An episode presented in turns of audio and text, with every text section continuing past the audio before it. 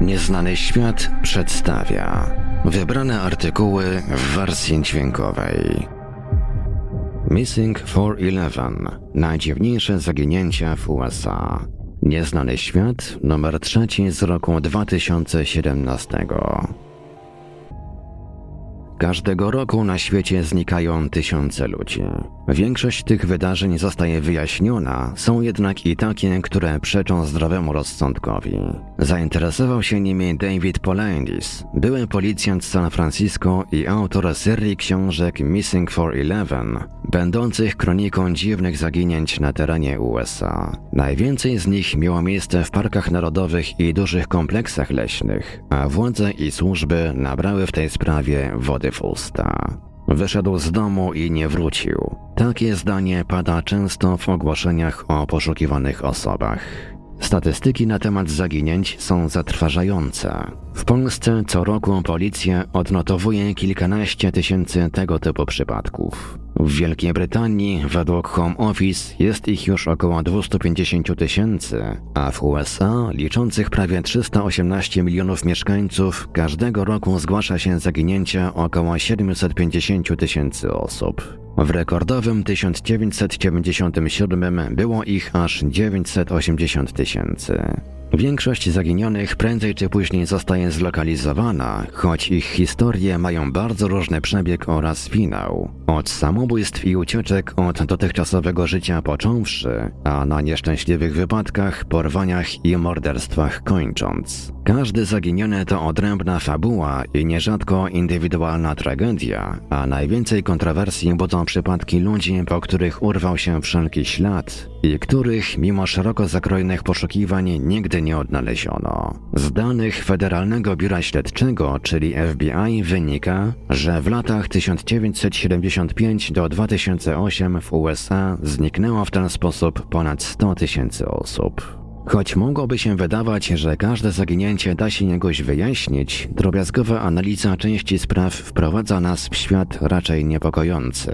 Jak mówi David Polandis, prawdziwy diabeł ukryty jest w szczegółach, o których nie zawsze mówi się głośno. Polandis przesłużył 16 lat w Policji Miejskiej San Francisco, a następnie pracował w branży technicznej, by w końcu zająć się tropieniem legendarnego Bigfoota, wielkiej stopy, północnoamerykańskiego małpoluda. Opierając się na relacjach świadków spotkań z tym stworzeniem, napisał na jego temat dwie książki. Pewnego razu, podczas wizyty w jednym z parków narodowych, gdzie stwór miał być widywany, badacz trafił jednak na ślad zagadki o wiele większej niż ów włochaty hominid. Cytat. Którejś nocy zapukali do mnie dwaj strażnicy. Byli po służbie. Powiedzieli, że mają informacje, które mogą mnie zainteresować. Wyjaśnili, że wcześniej pracowali w kilku parkach i wielokrotnie brali udział w akcjach związanych z poszukiwaniem zaginionych turystów. Ich zdaniem liczba osób, które przepadły bez śladu była ogromna, a służby odpowiedzialne za parki nie prowadziły odpowiednich rejestrów i nie rozumiały, co tak naprawdę kryje się za tymi przypadkami. Koniec cytatu. Podążywszy tym tropem, Polandis zaczął gromadzić relacje o ludziach zaginionych w parkach narodowych oraz dużych zamieszkanych kompleksach leśnych. Tak rozpoczął się projekt, którego owocem stała się tetralogia Missing 411, wydawana w latach 2011-2014, opisująca najbardziej tajemnicze incydenty tego typu. Warto tu wyjaśnić tytuł serii. Jego dosłowne tłumaczenie na polski brzmi 411 zaginieni, gdzie 411 to odniesienie do numeru informacji telefonicznej w USA i Kanadzie, jak też slangowe określenie informacji w ogóle. Na tak zwany chłopski rozum zaginięcia zdarzające się w parkach narodowych w Stanach Zjednoczonych nie są niczym nienormalnym. Obszary te bowiem stanowią ogromne połacie dzikiego terenu, nierzadko dużo większe od tych, które znamy z Polski czy nawet Europy.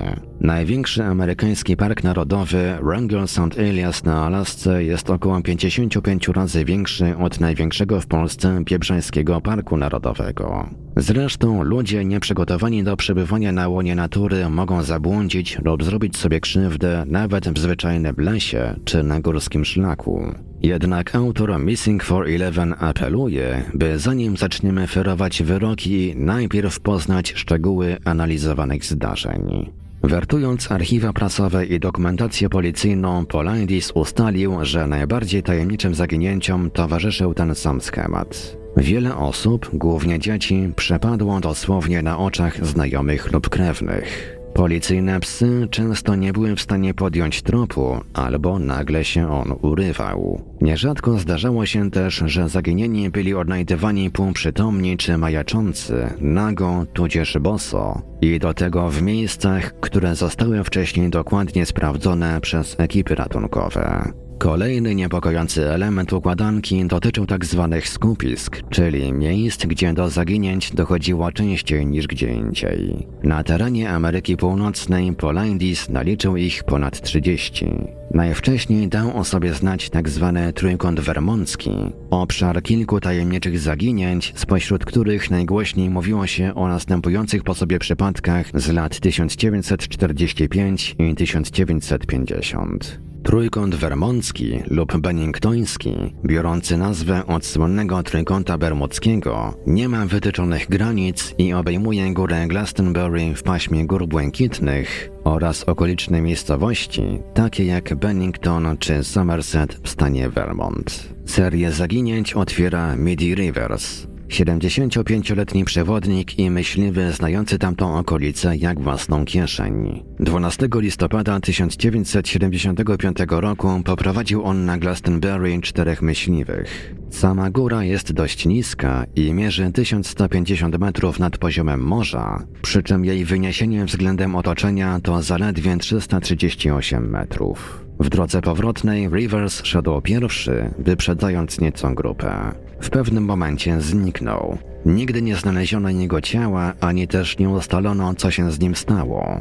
Jedynym śladem, na jaki trafili poszukiwacze, był należący rzekomo do niego nabój, na który natknięto się obok strumienia. Starszy mężczyzna mógł go opuścić, pijąc wodę albo próbując załadować broń. Strzałów jednak nie słyszano. Dwa miesiące później w okolicach tej samej góry zniknęła 18-letnia Paula J. Walden.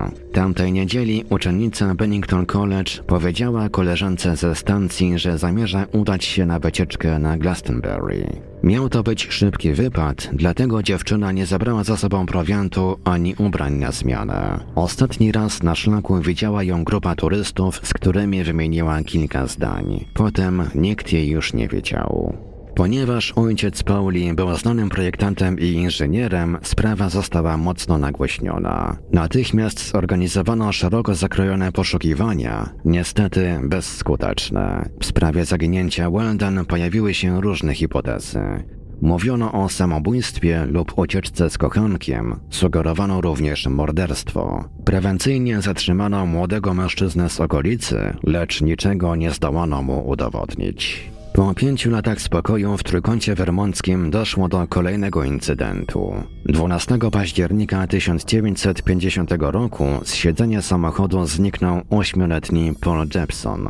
Matka zostawiła go w aucie i udała się do stada świń, które hodowała razem z mężem i które pasły się w pobliżu miejskiego wysypiska pod Bald Mountain, Łysą Górą. Kiedy wróciła, dziecka nie było. Kobieta szybko sprawdziła teren, wołając Pola, a następnie zadzwoniła do męża.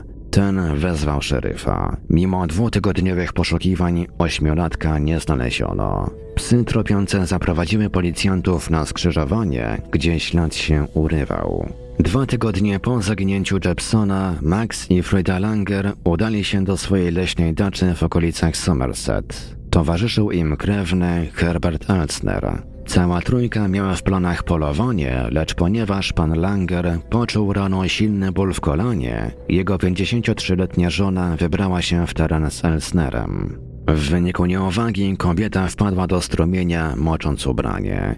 Postanowiła zatem wrócić do chatki, by się przebrać. Ostatni raz widziano ją około 150 metrów od domku, który razem z mężem posiadali od 14 lat. Wspominała gazeta Lowell Sun.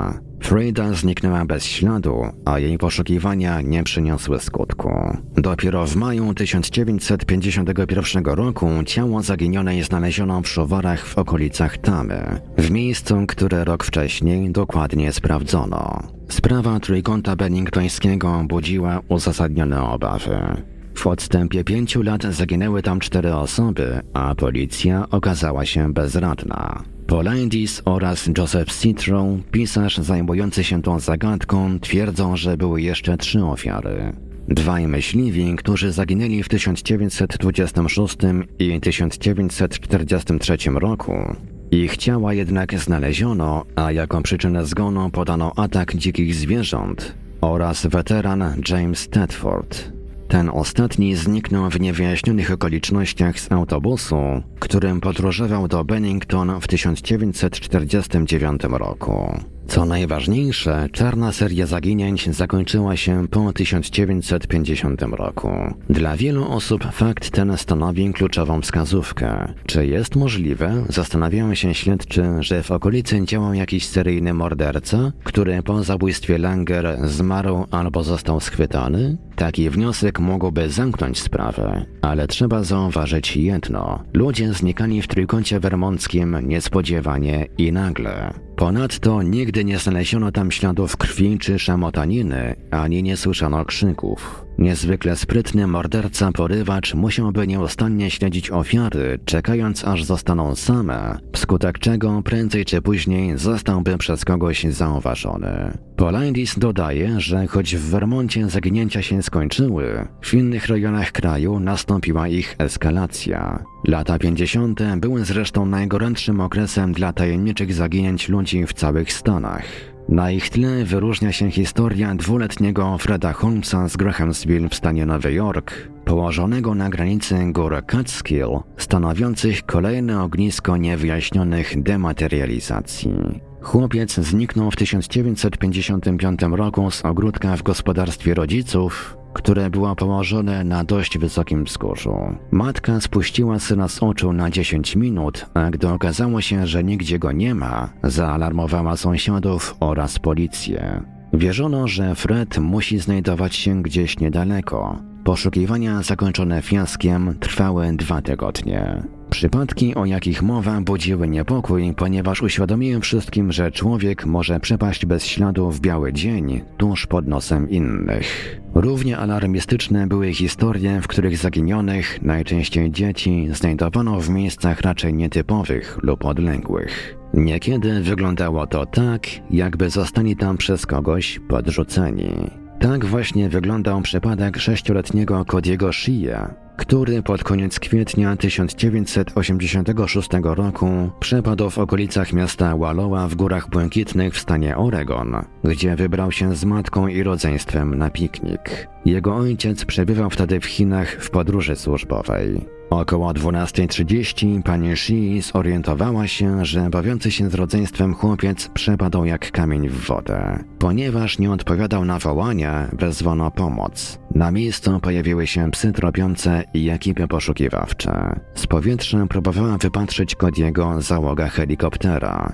Poszukiwania przerwano o 2.30, zamierzając wznowić je rano. Tymczasem około 7.30 Cody wyszedł z lasu 30 km dalej i zapukał do domu Betty Hansen, mieszkającej na przedmieściach Wallowa. Sześcioletni chłopiec przeszedł nocą co najmniej 30 km przez dzikie tereny północnego Oregonu, szukając bezpieczeństwa pisała gazeta Beaver Times. Choć wszystko skończyło się dobrze, fakt, że Cody zdołał pokonać taki dystans, wydawał się niemożliwością, tym bardziej, że znajdował się w zaskakująco dobrej formie fizycznej. Zdaniem Roberta Kestera, autora książki Zachowanie osoby zaginionej Lost Person Behavior, wydanej w roku 2008, w 95% przypadków dzieci w przedziale wiekowym 4 do 6 lat, które zabłądziły w terenie górzystym, zostają odnalezione w maksymalnej odległości 6 km od miejsca zaginięcia.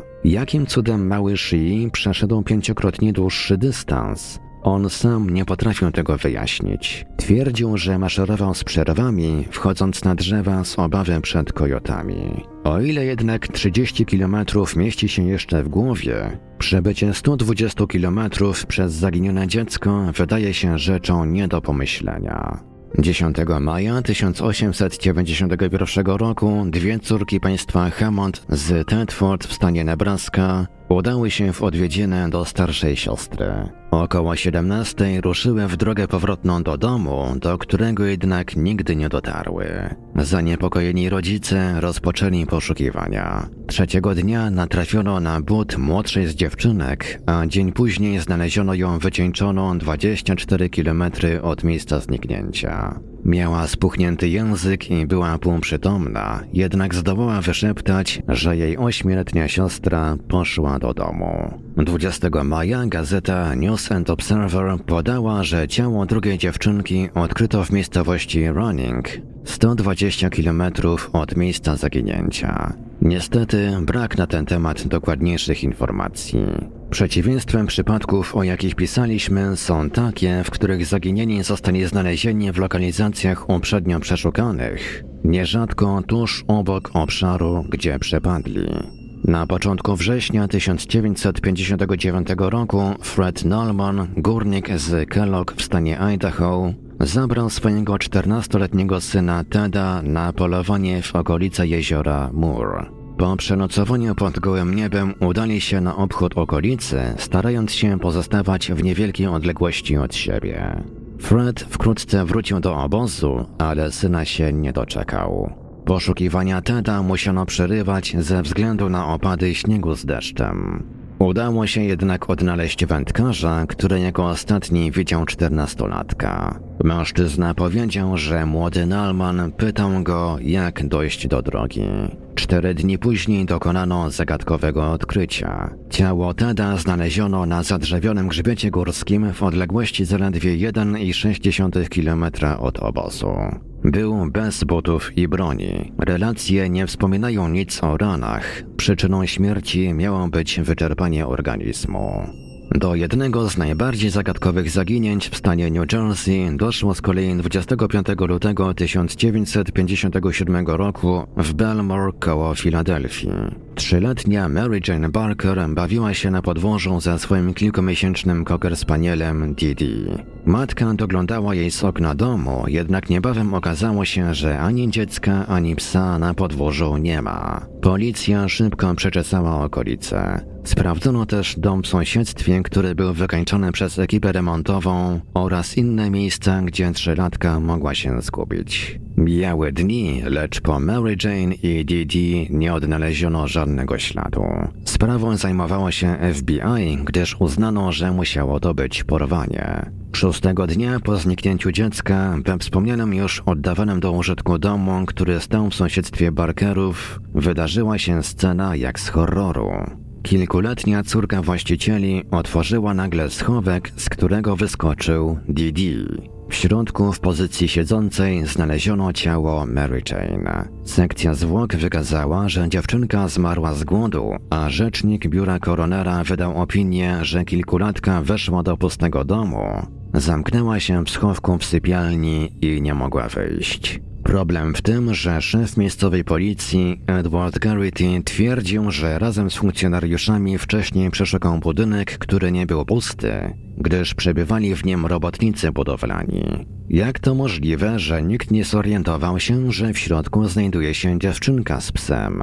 Dlaczego zwierzę nie szczekało, a Mary Jane nie płakała? Co równie dziwne, dodawał Garrity, w pomieszczeniu, gdzie przez sześć dni przebywało dziecko z czworonogiem, powinny pozostać ślady ekskrementów, a tych nie odnaleziono. Drzwi schowka nie były zamknięte na klucz, choć małe dziecko mogłoby mieć problem z ich otworzeniem. Kulminacją wszelkich dziwności okazało się natomiast zaginięcie Jasona Elia Burtona z Cross Anchor w południowej Karolinie w grudniu 2011 roku.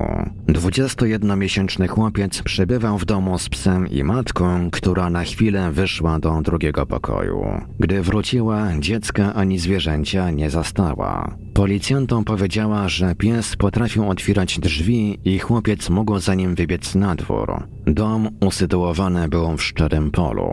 Wieczorem pierwszego dnia poszukiwań zepsuła się pogoda. Jednocześnie coraz poważniej zaczęto brać pod uwagę hipotezę, że chłopca uprowadzono. Nazajutrz akcję kontynuowano. W jej ramach dwóch funkcjonariuszy, Davida Foxa i Jamie'ego Tate, wesłano kajakiem na rzekę Tanger. To, co stało się potem, jest wprost trudne do wyobrażenia. Zaginiony brzdąc został odnaleziony na rzecznej wydmie, poinformował lokalny serwis wyff4.com. Jak się okazało, Jason tkwił w odległości około dwóch kilometrów od domu pośrodku rzeki na piaskowym nanosie. Polaidis, cytując inne źródło, podaje, że dosłownie na chwilę przed jego znalezieniem nad tym terenem przelatywał helikopter, lecz jego załoga nie dostrzegła malucha. Zdarzały się też przypadki, gdy zaginione dzieci znajdowano na szczytach gór.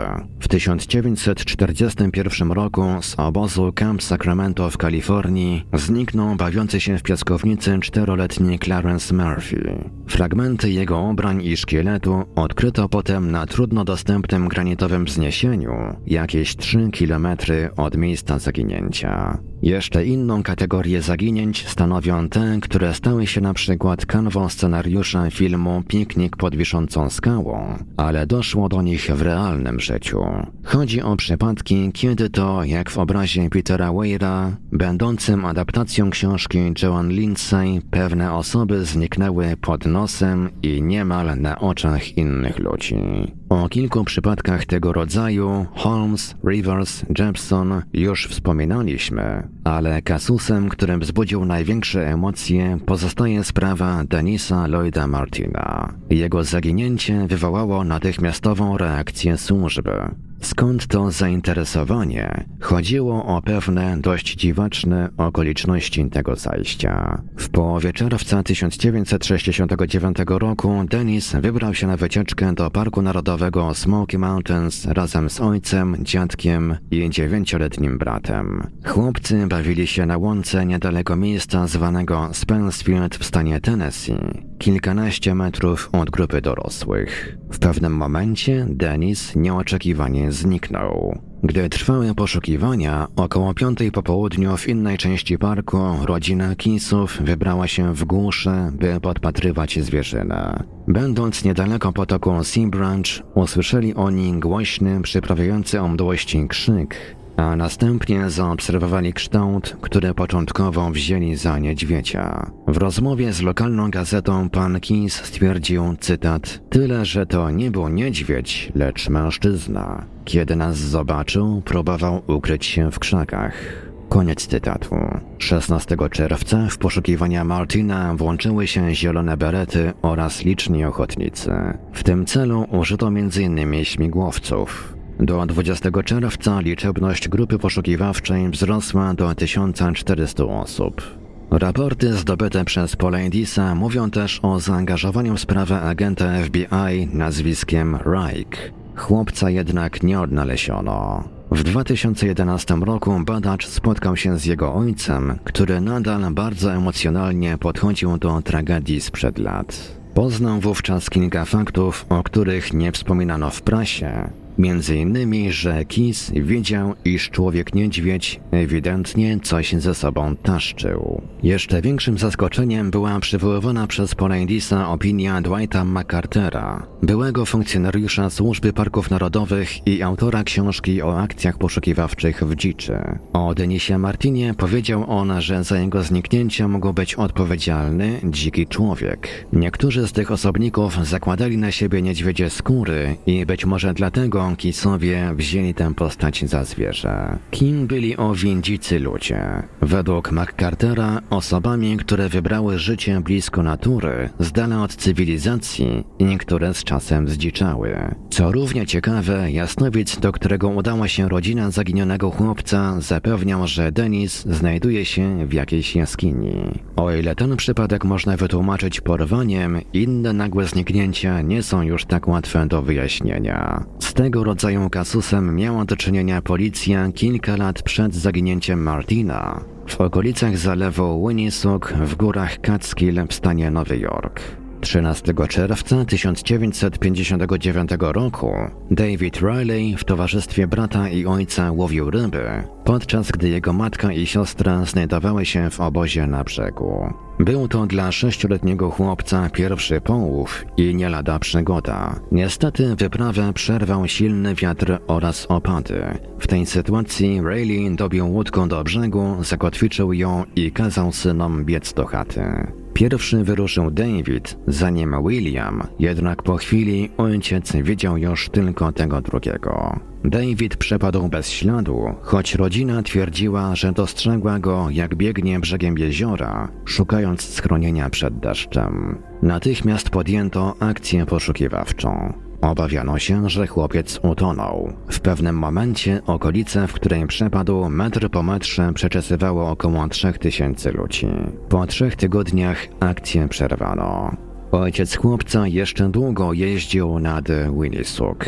Podczas kolejnej dużej akcji przeprowadzonej w październiku policjant Nicholas Lakes ostatecznie znalazł szczątki Davida. Leżały niedaleko potoku przy Wielkim Głazie, jakieś 2,4 km od chatki, w pobliżu której zniknął. Co dziwne, chłopiec znajdował się na 300-metrowym wzniesieniu, w miejscu, które, jak twierdził Polaindis, zostało już wcześniej przeszukane. W październiku 2000 roku z posesji swojej ciotki zniknął czteroletni Tristan Myers. Chłopak miał skomplikowaną sytuację rodzinną. Jego matce, tancerce, nie przyznano do niego praw rodzicielskich, ojca nie posiadał. Zajmowali się nim dziadkowie, a potem ciotka i wujek, z którymi mieszkał w okolicach Roseboro w Karolinie Północnej. Tamtego dnia chłopiec bawił się na dworze ze swoim chihuahua. W pewnym momencie ciotka zauważyła, że dziecko zdrzemnęło się. Ona również zapadła w krótki sen.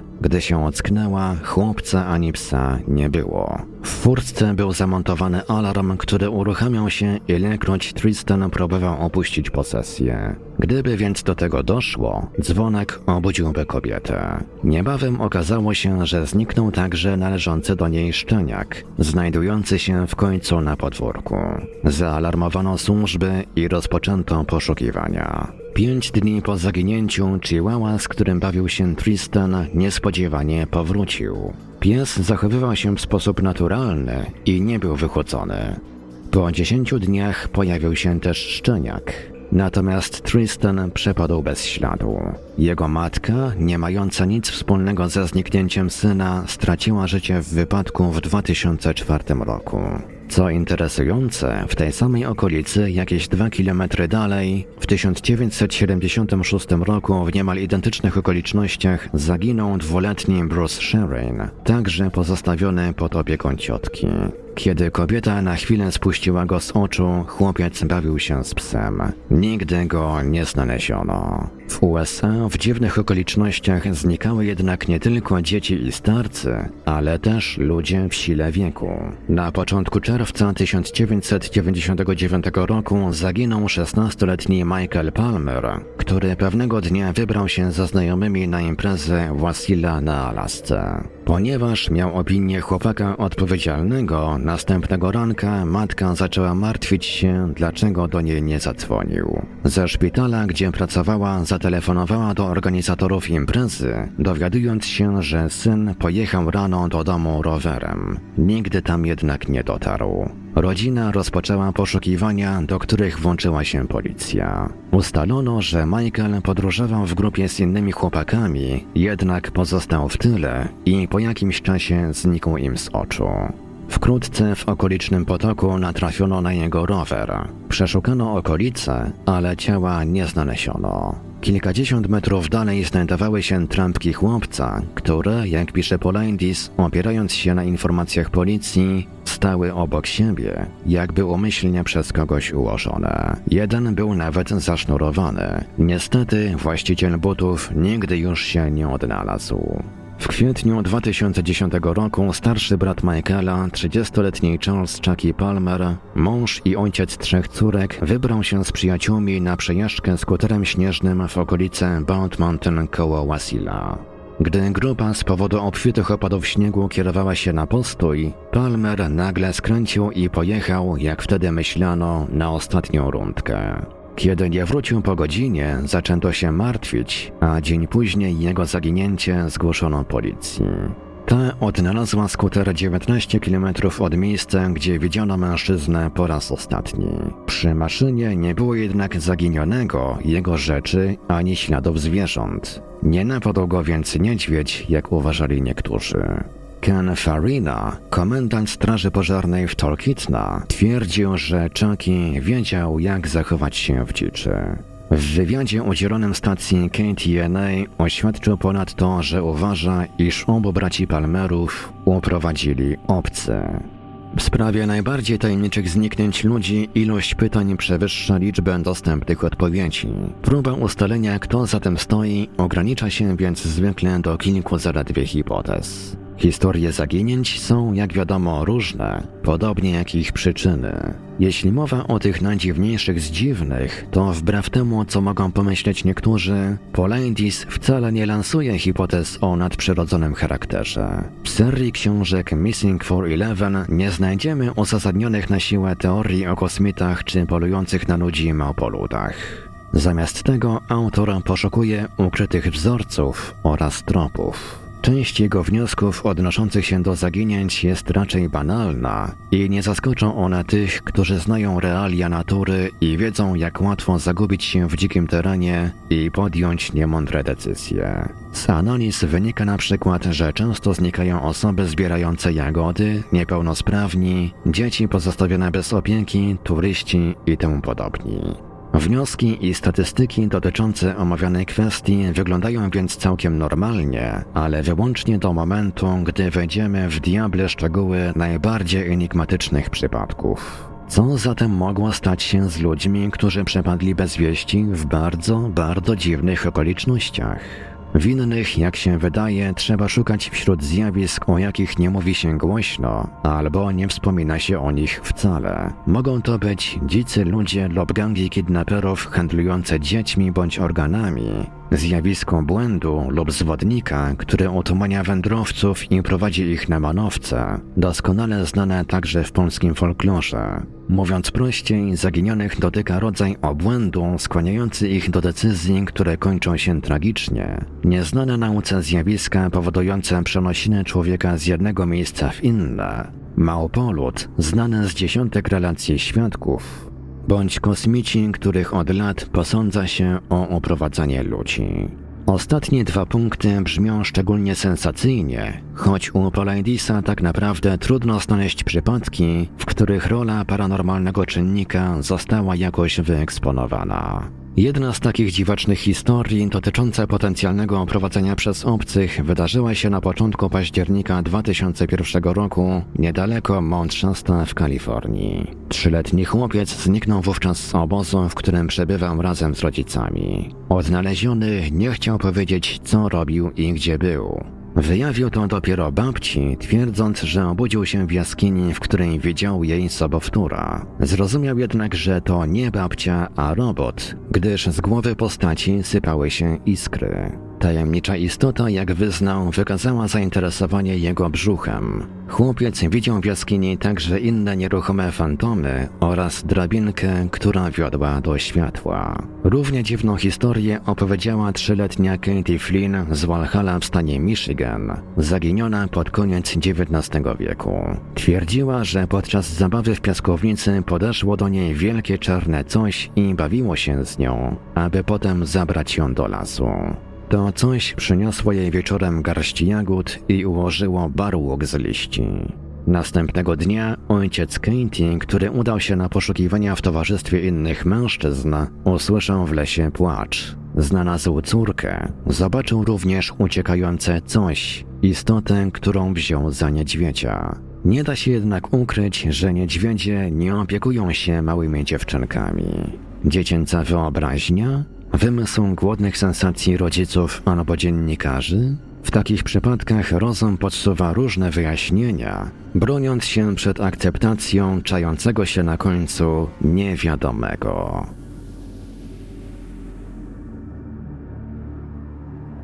Autor Piotr Cielebiaś. Nieznany świat, numer trzeci z roku 2017. Czytał Ivelios. Czytaj Nieznany Świat, najstarszy polski miesięcznik poświęcony tematyce nieznanego. www.nieznanyświat.pl Dostępne również wygodne wydanie elektroniczne www.nieznanyświat.pl A jeżeli masz profil na Facebooku, gorąco zachęcamy do dołączenia do grupy Czytelnicy Nieznanego Świata. Zachęcamy także do zasubskrybowania kanału miesięcznika w serwisie YouTube.